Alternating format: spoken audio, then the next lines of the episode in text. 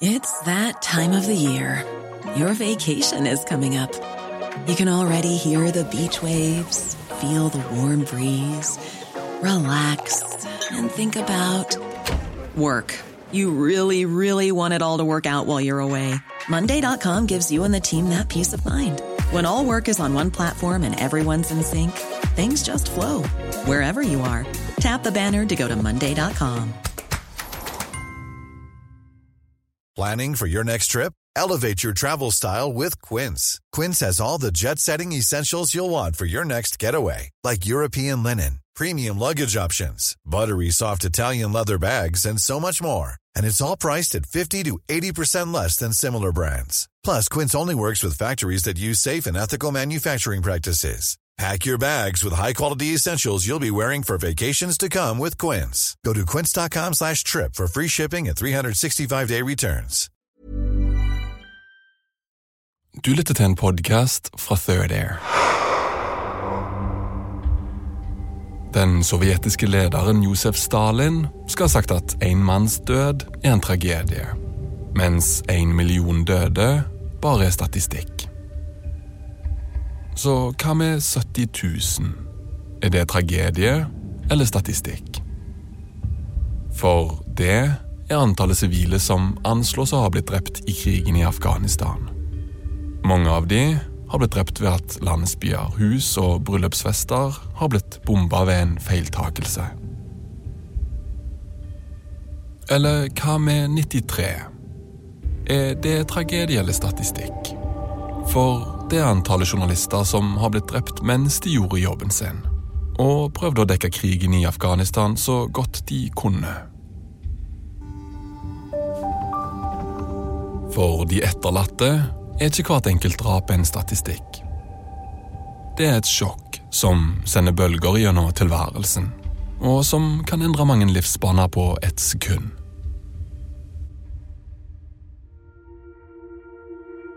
Du lytter til en mørk historie, og det her er andre av tre episoder i serien Siste nytt fra Serena hotell. Serien er produsert av Nora Brøndseth og Rasmus Spitz. Mitt navn er Lars Kristian Øverland, og det er Nora Brøndseth som forteller.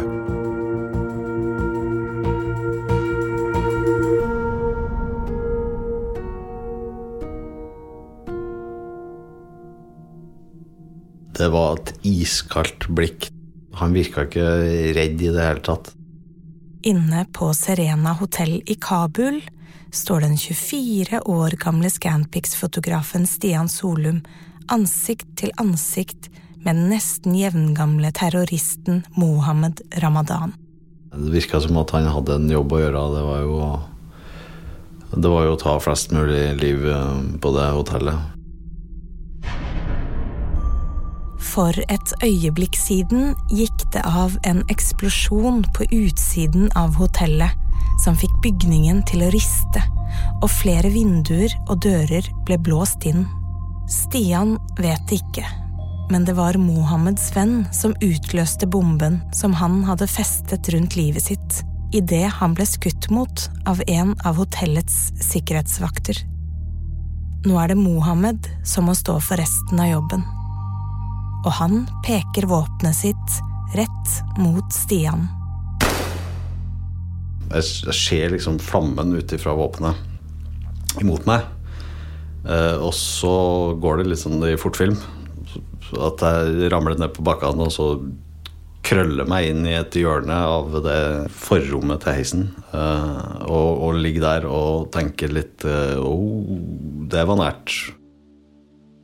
Stian tror at mannen som står foran ham, er en politimann, siden han har politiuniform på. Jeg tenkte at han var sikkert litt nervøs og, og gjorde det litt sånn av rent instinkt. Så jeg prøver å fikle opp med pressekortet og, og, og finne det og ligge der en stund. men det blir helt stille, eh, og heisen har kommet ned. Så da velger jeg å trykke på titte litt sånn frem rundt hjørnet og se om, om, om, det var noen der fortsatt, men det var helt, det var helt stille.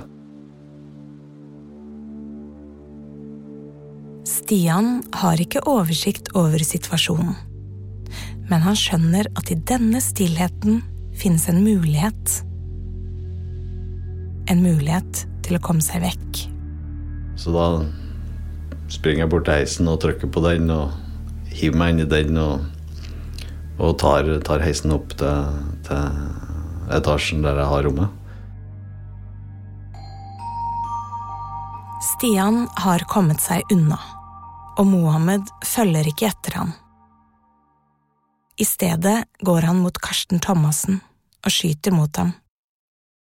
Karsten er ikke like heldig som Stian, og blir blant annet truffet i det venstre benet og faller ned på gulvet. Men han er fortsatt i live. Så forlater Mohammed lobbyen. På de kornete overvåkningsbildene kan man se at Mohammed ikke er helt sikker på hvor han skal gå. Han velger tilsynelatende tilfeldig herregarderoben i hotellets spa-område. Foran speilet står den amerikanske hjelpearbeideren Thor David Hesla og kler på seg. Mohammed Ramadan skyter han, og han dør på stedet. Thor blir en av syv uskyldige som mister livet denne dagen.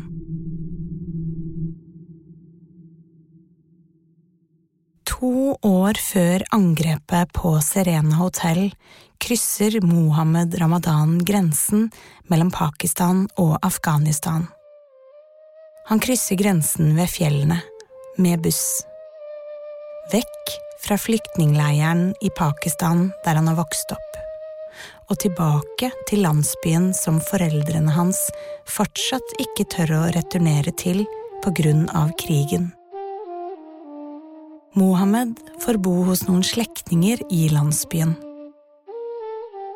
Fredrik Gressvik beskriver dette i boka si Skuddene på Serena hotell. Han beskriver hvordan Mohammed føler seg hjemme der i landsbyen. Og han kommer spesielt tett på fetteren sin. Og en natt, mens Mohammed sover på et teppe i onkelens hus, nærmer et bombefly seg.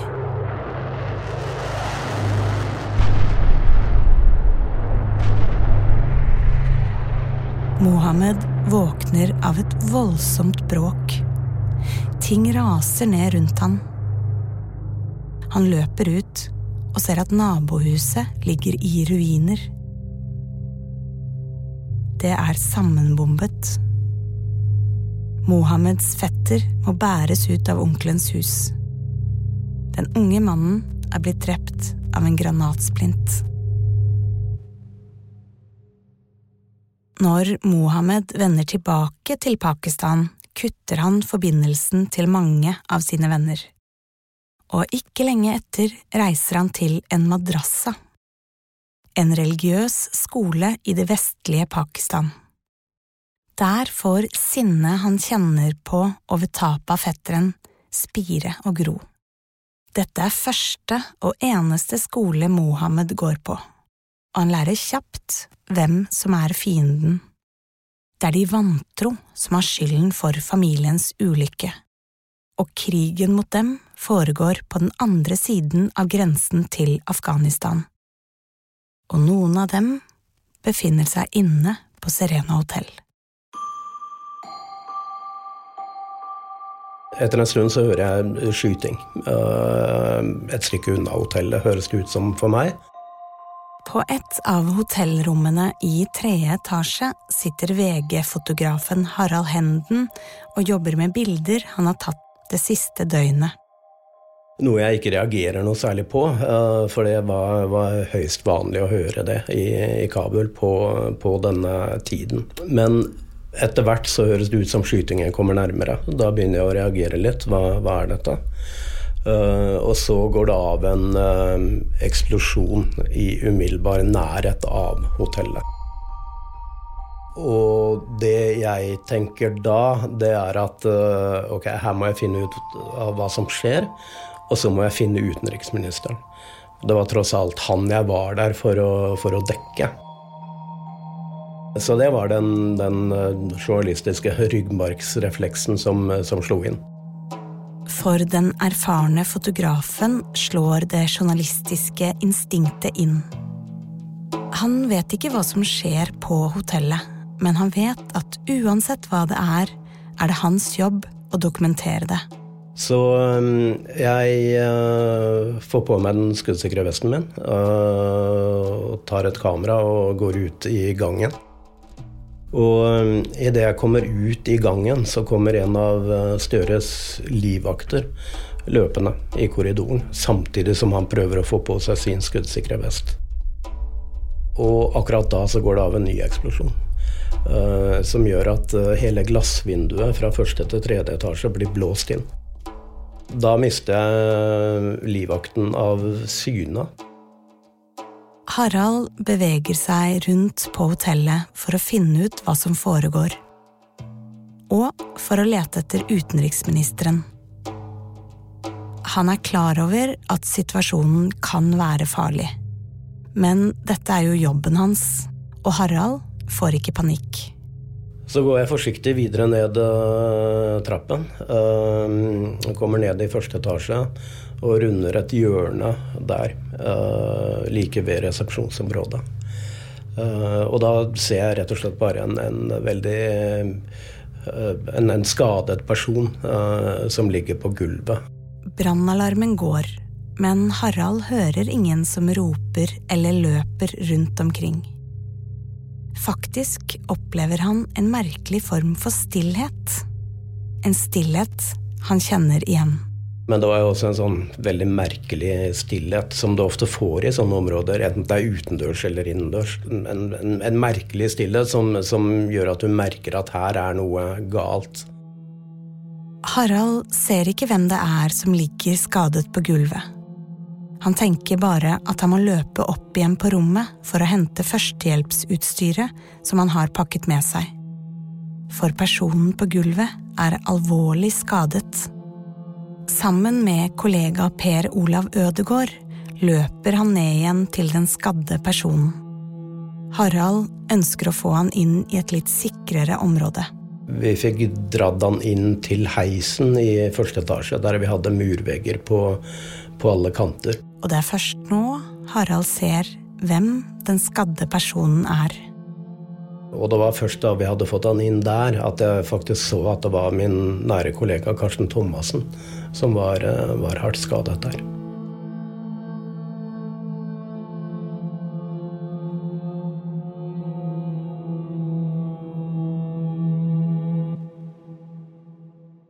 I det lille møterommet i kjelleren ligger fortsatt utenriksministeren på gulvet. Han sender en SMS som varsler Norge om angrepet. Alarmen går i Oslo, og myndighetene prøver å finne ut hva de kan gjøre for å få utenriksministeren trygt ut. Men akkurat på dette tidspunktet er det ikke så mye de kan gjøre. Nå er det PST-vaktene som må sørge for ministerens sikkerhet.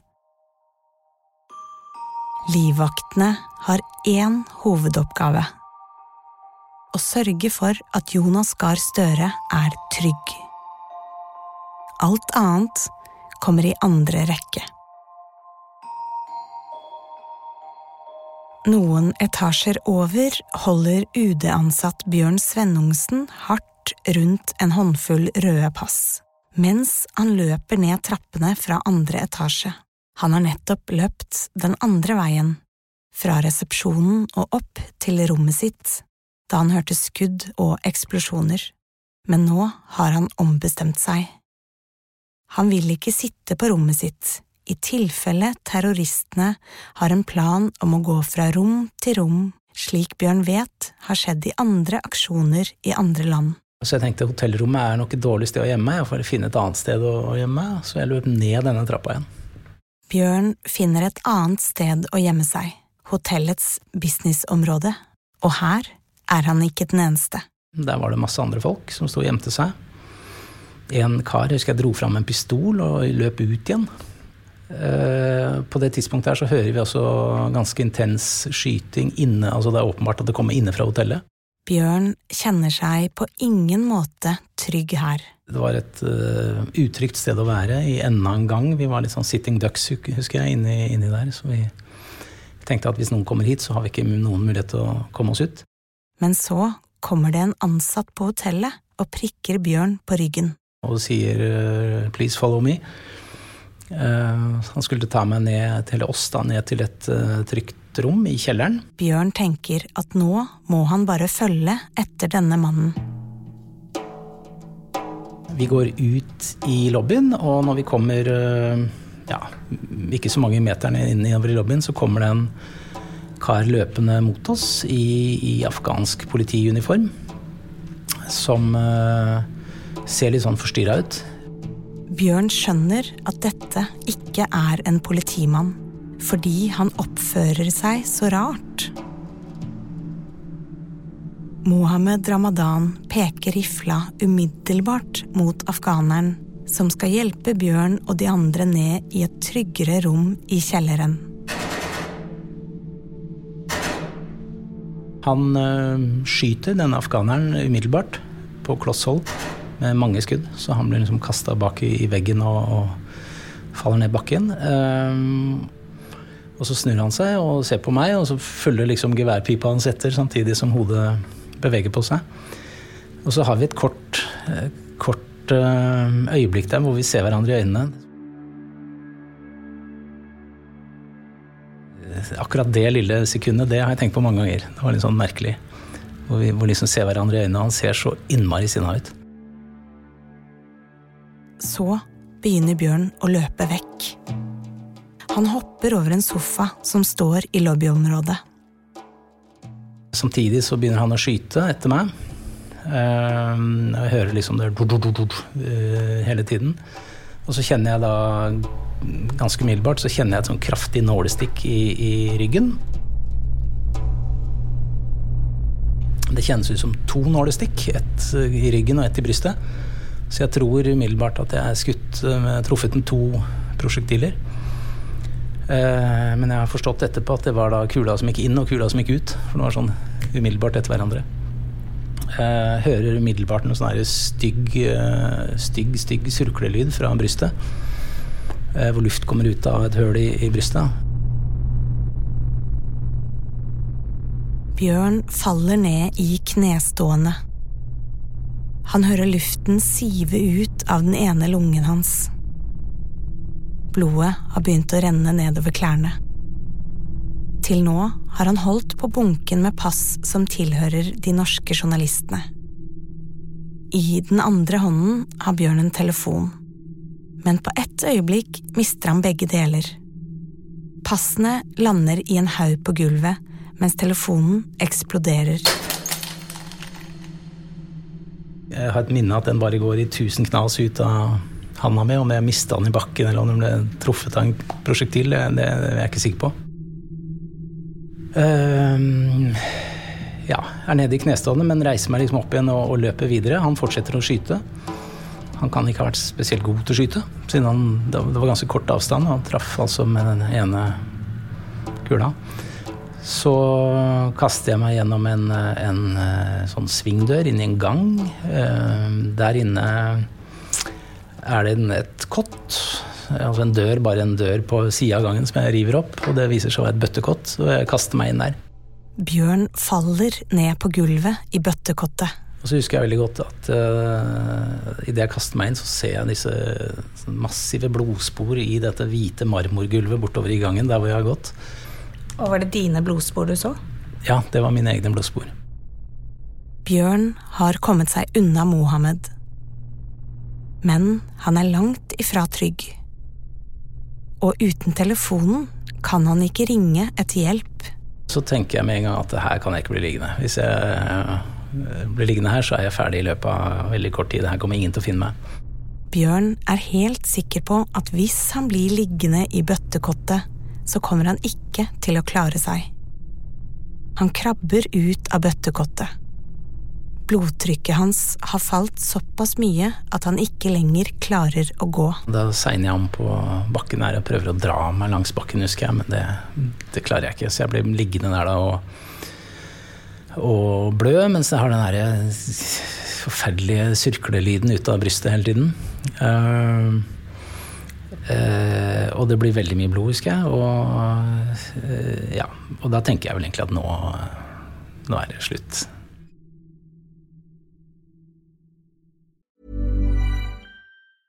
When you're ready to pop the question, the last thing you want to do is second guess the ring.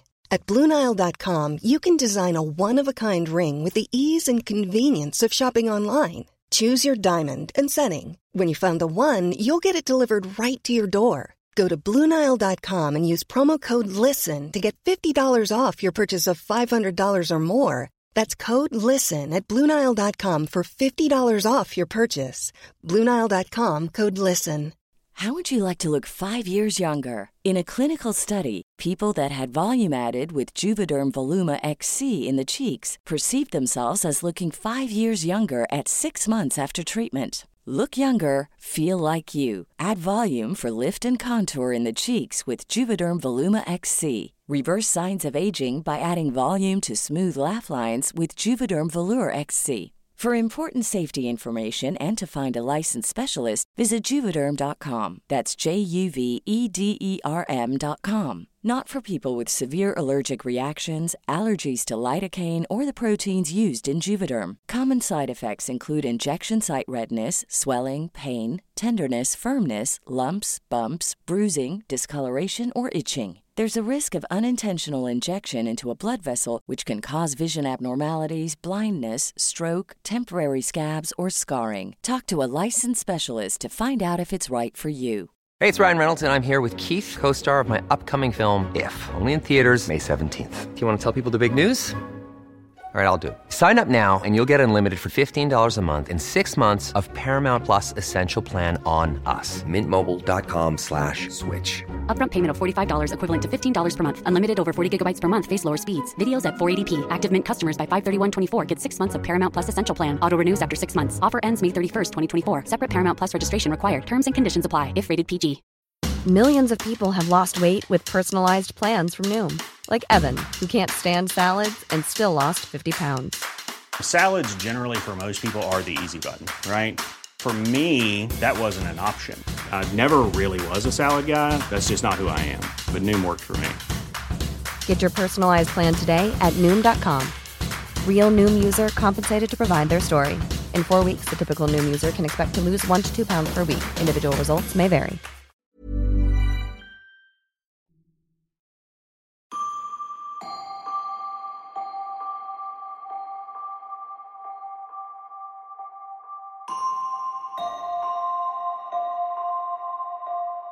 Annet sted på hotellet, ikke så langt unna, har Harald Henden og Per Olav Ødegård dratt den skadde Dagbladet-journalisten Karsten Thomassen inn i et hjørne ved heisen, vekk fra det åpne området der de fant ham.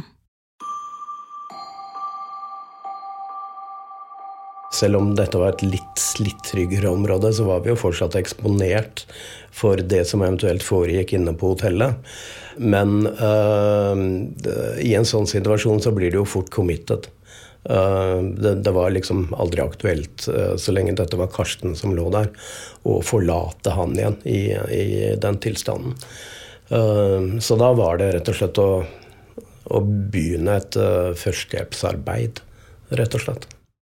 Harald har mye erfaring med førstehjelp, blant annet som frivillig i Røde Kors sitt hjelpekorps, fra Forsvaret, og han har vært på kurs på eget initiativ. Han har utført førstehjelp flere ganger ute i felt, men aldri på noen han kjenner. Han begynner med å skaffe seg oversikt over skadene som Karsten har. Ja, han hadde jo øh i hvert fall tre uh, større skader. En i uh, den venstre armen, som var, var eksponert og, og, relativt ødelagt. men uten, uten, noen, noen, uten, noen, store livstruende blødninger der. Så hadde han også en, en splintskade i ryggen. Uh, som vel var det jeg var mest bekymret for i, i, starten. Harald ber Per Olav om å legge trykk på såret på ryggen. Samtidig som han begynner å bandasjere Karstens arm.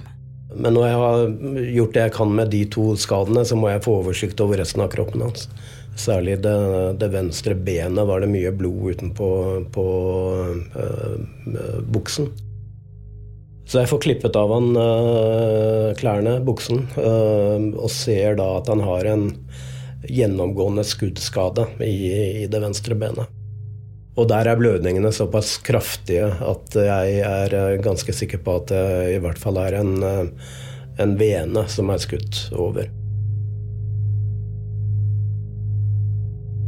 Harald binder en turniké, en bandasje, rundt benet til Karsten for å prøve å stanse de livstruende blødningene. Da hadde vi egentlig gjort det vi kunne med de, eh, med de store skadene som, eh, som Karsten hadde. Og tenkte du da at Karsten kom til å klare seg? Ja, jeg følte at nå hadde vi i hvert fall kontroll over blødningene. Eh, og Karsten var fortsatt ved, ved bevissthet. Våken, klar, utrolig tapper og, og, modig. Den eneste gangen han klaget på smerter, var da jeg strammet den tornikeen, faktisk. Karsten er fortsatt ved bevissthet. Det er også Bjørn Svennungsen som kjemper for livet på den andre siden av lobbyen. Men han er så tappet for krefter at han er nær ved å gi opp. Han tenker på de to barna sine, på fire og seks år, og ser dem tydelig for seg. De står ved siden av ham og ser tankefulle ut. Og Bjørn får rett og slett dårlig samvittighet. Jeg tror jeg til og med ropte en slags sånn Beklager, eller noe sånt. Uh, ja. Det var en litt sånn overraskende følelse også husker jeg. For det var liksom fra å være liksom normalt oppegående til i løpet av liksom sekunder, eller kanskje et minutt eller to, til å ligge der og vite at nå dør jeg faktisk. This is it. Eh, det er en eh, Ja, det er en litt sånn fortvilende følelse. Liksom følelsen av avmakt. Og så begynner en rekke med tilfeldigheter som gjør at Bjørn overlever. Det første var eh, at jeg begynner å, å liksom bare klappe meg rundt på kroppen sånn og leite etter en telefon. Eh, det, det, har jeg fått forklart siden av en, av en eh, sånn krisepsykiater som, som, forklarte at det er litt som når man holder på å drukne, så prøver man å svømme selv om man vet at man ikke egentlig klarer å svømme lenger. Så litt sånne desperate handling, egentlig. Men i hvert fall så plutselig så har jeg en telefon i lomma. Bjørns egen telefon er sprengt i tusen biter. Men i lomma finner han en ekstra telefon. En som han har lånt av den norske ambassaden i Kabul, fordi det er svært dyrt å bruke egen telefon i Afghanistan. Og med den så klarer jeg å trykke på en sånn grønn knapp, som det var før smarttelefonens tid. Så var det sånn, Hvis man da trykte på den grønne knappen, så ringte du automatisk det siste nummeret du hadde brukt. Og tilfeldighetene ville sånn at det siste nummeret jeg hadde brukt, det var en kollega på ambassaden i Kabul som satt og gjemte seg da, ikke så langt fra lobbyområdet på det samme hotellet. Uh, Merete så da får jeg på et eller annet vis formidlet til henne at jeg er skutt og skada. Um, uh, hun gjemmer seg sammen med en brite som heter Paul Grant. Uh, som også da tilfeldighetene ville ha det til at er en tidligere SAS-soldat som har unormalt gode førstehjelpskunnskaper. nettopp på den type skader. Briten ber Bjørn rope navnet sitt inn i telefonen. Det gjør han, men snart har han ikke mer krefter igjen. Og så blir det stille litt, husker jeg. Var, jeg husker den følelsen av, av, en sånn Det var som om lufta gikk ut av en ballong. Bare liksom eh, og lå, så på alt dette blodet og tenkte bare ja, Da var jeg liksom sikker på at det var, var over. Og så men så kommer da plutselig Pål og Merete og løpende inn denne gangen, og de har fulgt sporene mine, visstnok.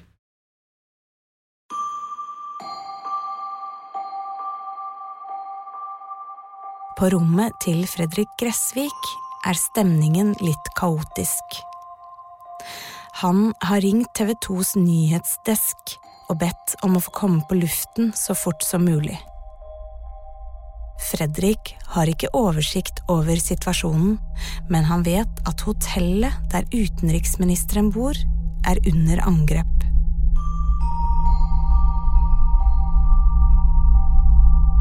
Det som skjer, er at vi venter litt. Grann. Eh, nyhetskanalen hadde gått inn en reklamebreak, eh, og så skulle det være noe annet skulle gå etterpå. Jeg husker ikke om økonomi eller sport, eller noe sånt, og så det var ikke anker på plass, og det var litt sånn kaotisk der, så jeg fikk beskjed om at jeg måtte vente 10-15 minutter før jeg kunne komme på lufta.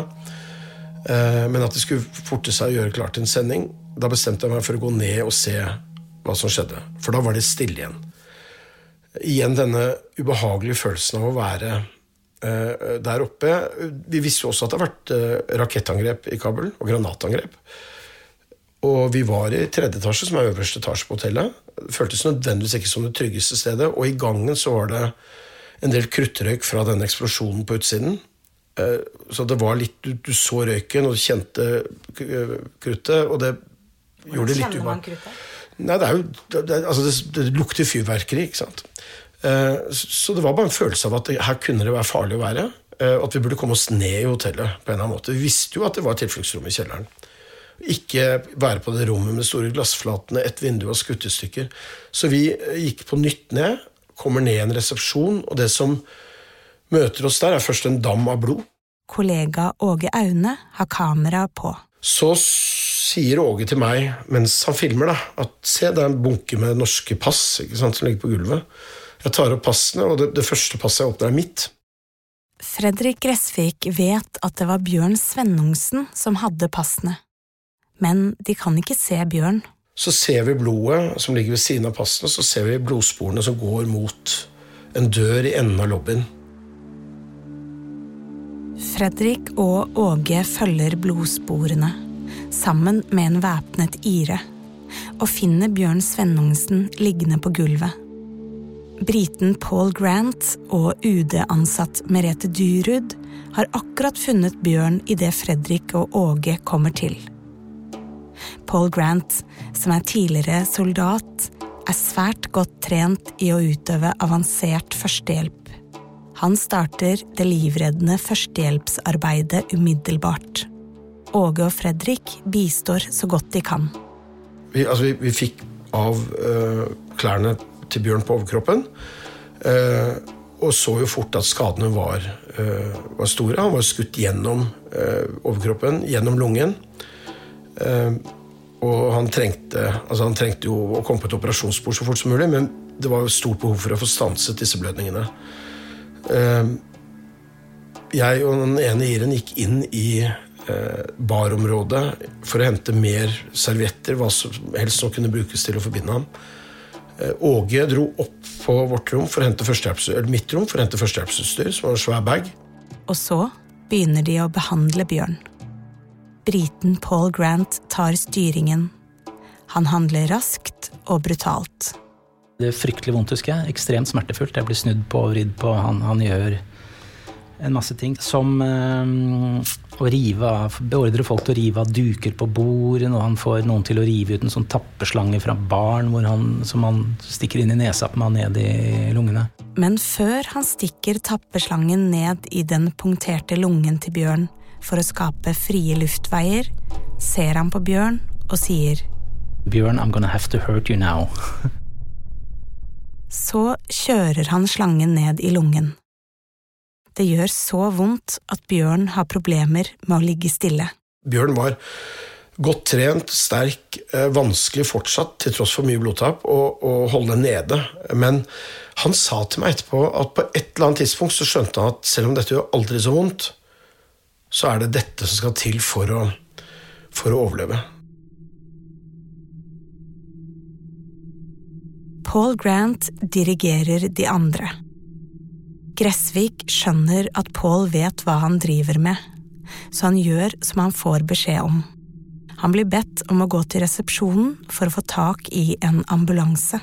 Vi, vi, vi hadde jo ingen oversikt over hva som hadde skjedd, hvordan det så ut. Jeg gikk til resepsjonen, men der lå resepsjonisten. Han var skutt og død. Han lå på gulvet i en dame av blod. Der møter jeg Per Olav Ødegaard, kollega gjennom mange år, som jeg har jobbet mye i Midtøsten med. Og han forteller meg at han er i samme ærend. På, på, vei for å få hjelp til å hente Karsten, som ligger skutt i en annen del av hotellet. Jeg ble med Per Olav tilbake og så situasjonen med Karsten. Da var det samlet et par andre nordmenn der. var Harald Henden, også fra VG, fotograf i VG, som hadde tatt kontroll over førstehjelpen med Karsten. I det trange rommet i kjelleren, hvor Støre og deler av hans delegasjon befinner seg, vet de ennå ikke noe om situasjonen til Karsten Thomassen og Bjørn Svennungsen. Og selv om de ikke har helt oversikt over situasjonen, bestemmer PST-vaktene seg for å evakuere alle i rommet til det som allerede er identifisert som det tryggeste rommet på hotellet. Personalkantinen, som også ligger i kjelleren. Støre tenker at det føles litt som å være med i en film når vaktene klarerer hjørne for hjørne gjennom kjellerkorridorene. Men det her er blodig alvor. Hva om en tilfeldig hotellansatt går ut av en dør rett foran de tungt bevæpnede vaktene som har én oppgave å ivareta ministerens sikkerhet? Det er det heldigvis ingen som gjør, og delegasjonen kommer seg til kantinen uten problemer. Men situasjonen for de sårede nordmennene Bjørn og Karsten blir stadig mer kritisk. På et tidspunkt blir Fredrik kommunikasjonsbindeleddet mellom journalistene og Støres delegasjon i kjelleren. Vi visste at det var evakueringskjøretøy som kunne hente ut ved en skade. Eh, jeg hadde nettopp vært i Kabul, så jeg hadde en del telefonnumre til folket på ambassaden. Eh, og også til de som var med i følget til Støre, så jeg fikk i hvert fall kontakt med de. Det Fredrik nå sier i telefonen, skal bli tolket og analysert masse i etterkant. Da satt jeg ved siden av Karsten og jeg hadde den første telefonkontakten, og da eh, sa jeg det jeg oppriktig mente, og det var jo at jeg trodde Bjørn var mer skadd, rett og slett fordi det var mye mer blod der. Karsten var allerede forbundet når jeg kom fram, så jeg så jo ikke hvor, hvor ille skadet han var. Um, men det var også en følelse av at det ikke var så ille, fordi han, han, han lå roligere. Um, men det er selvfølgelig nødvendigvis ikke et godt tegn. Men så var jo han der, så jeg ville heller Og jeg ville også skåne han litt. Så jeg, jeg sa i den første telefonsamtalen at jeg tror ikke Bjørn kommer til å klare seg. Jeg tror Karsten men, men, men, det kommer til å gå fint med Karsten. Vi må bare få hjelp. Vi fant et sykehus. Hadde resultatet blitt annerledes hvis Fredrik hadde sagt noe annet i denne telefonsamtalen? Det er et spørsmål Fredrik selv og mange andre har stilt seg. Og det er et spørsmål man aldri vil få et tydelig svar på. Men de blir altså enige om at det er Fredrik som skal ha kontakten videre med Forsvaret og delegasjonen i kjelleren, slik at det ikke oppstår forvirring. Så ble det meldt fra til Forsvarets øh, øh, pansra kjøretøy, som hadde lege om bord og masse førstehjelpsutstyr og plass til en del folk. De kunne ta inn flere pasienter der. Eh, om at det var eh, skade på Serena hotell, og at to nordmenn var blant de skadde. Nå blir oppgaven til de som sitter rundt Karsten, å berolige ham. Harald Henden, som har gjort mesteparten av førstehjelpsarbeidet, vet selv hvordan det er å kjenne på en intens frykt. Han ble truffet av en gummibelagt stålkule i hodet på Vestbredden i Palestina noen år tidligere. Så jeg var, var, ganske klar over hvilken frykt Karsten egentlig må ha følt i den uh, sammenhengen. Uh, for det følte jeg selv den, den gangen. Så uh, jeg satt på hodet hans og pratet med han og, og prøvde å berolige han så mye som mulig. Mens eh, det vel da var først og fremst Fredrik Gressvik som hadde kontakten eh, ned til delegasjonen, som da var flyttet til et eh, såkalt sikkert rom i, i kjelleren, egentlig. Og husker du hva du gjør for å prøve å trygge Karsten og holde han så rolig som mulig? Nei, det, det, var rett og slett å, å, prate med han og fortelle at uh, dette kommer til å gå bra. Vi har uh, kontroll over, uh, over blødningene. nå skal vi bare prøve å få deg evakuert så fort som mulig.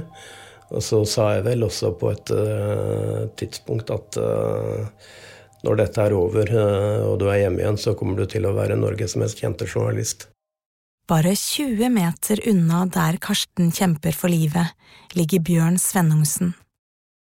Merete Dyrud, kollegaen til Bjørn som sitter sammen med han, varsler også den norske delegasjonen i kjelleren om at Bjørn Svennungsen er alvorlig skadet og trenger legehjelp umiddelbart. Livvaktene i kjelleren gir ny beskjed til sine kontaktpersoner utenfor og varsler om akutt behov for legehjelp og transport til sykehus. Men i dette kaoset oppfatter ikke alle at det er snakk om to norske som er livstruende skadet.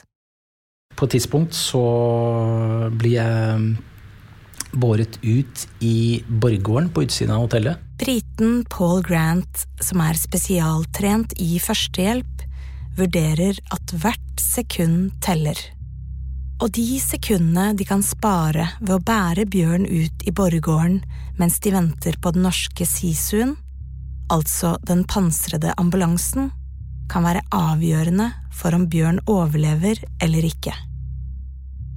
Så ligger vi uti der, og det er helt kaos, husker jeg. Da begynner jeg å bli litt omtåka, men det er liksom helt kaos. Først ble jeg lagt inn i en lokal ambulanse, men uh, tatt ut igjen fordi jeg er redd den lokale ambulansen skal kjøre. Da ligger det en, en, død kvinne ved siden av meg husker jeg, på, i ambulansen. Uh, en amerikansk soldat går forbi og stikker et eller annet i meg, som Paul ber om. Uh, og det er kaldt, husker jeg. Veldig kaldt. Eh, og det er fullt kaos. På et tidspunkt så kommer det en masse afghanske soldater da, inn i denne borggården og nærmest velter over oss. Jeg husker Merete får en geværkolbe i magen, og en annen tråkker over meg. Det var helt, helt kaos, husker jeg. Eller jeg husker det som veldig kaos, i hvert fall. Pål anser dette som det kanskje mest kritiske tidspunktet. For inne i borggården har det ikke bare kommet afghanske soldater, men også amerikanske soldater. Og det er sivile med våpen der og det er litt uklart hvem som er hvem. Hva om de i kaoset plutselig begynner å skyte på hverandre?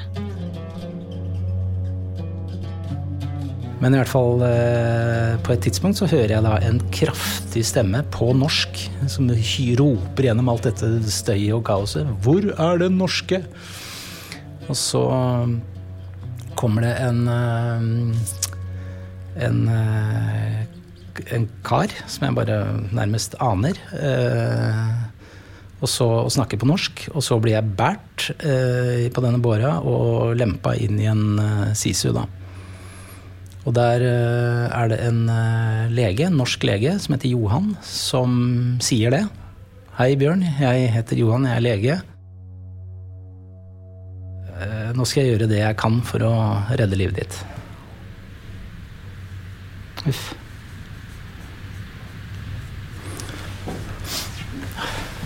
Bare ta pause hvis du har behov for det.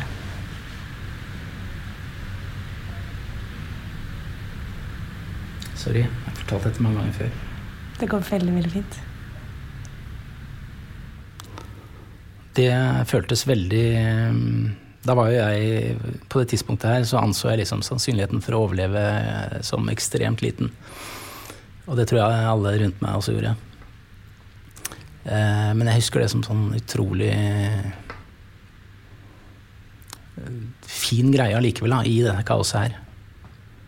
De, de orda fra den legen. I Sisuen blir også en annen tidligere spesialsoldat med. En ire som heter David, som også har hjulpet til med førstehjelpsarbeidet på Bjørn.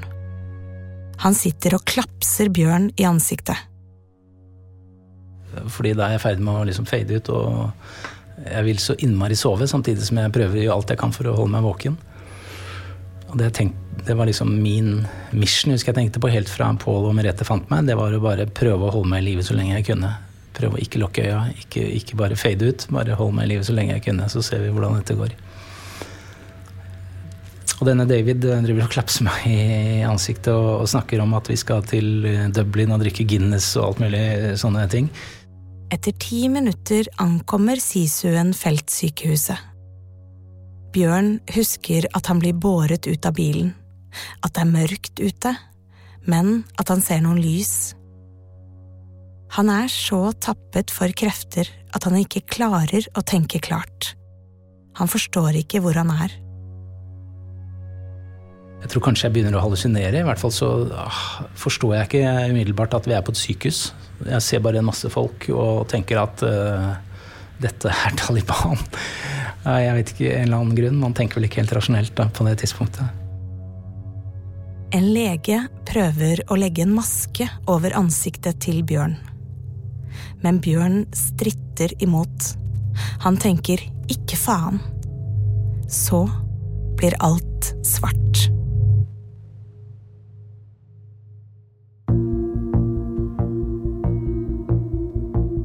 Du har lyttet til andre episode av dokumentaren Siste nytt fra Serena Hotel. En serie i tre deler. I neste episode Da sto det liksom, mange menn og pekte på ham med våpen og fikk han til å ta av seg både bukse og jakke og skjorte og alt sammen. Det var jo litt sånn merkelig å våkne opp der, fordi det var liksom litt sånn Med en gang så var jeg fortsatt litt sånn i den kampmodusen, på en måte. For jeg hadde jo på en måte bare stoppa historien, og så, og så våkna jeg i en, en helt, helt annen setting. Det jeg først og fremst var opptatt av da, det var jo Var det noe jeg kunne ha gjort annerledes som gjorde at, at Karsten overlevde? Rett og slett. Og så vil jeg bare minne deg på at hvis du trykker på 'følg oss' i podkastspilleren din, så dukker neste episode automatisk opp. Og til deg som abonnerer på oss, du kan høre siste episode allerede nå.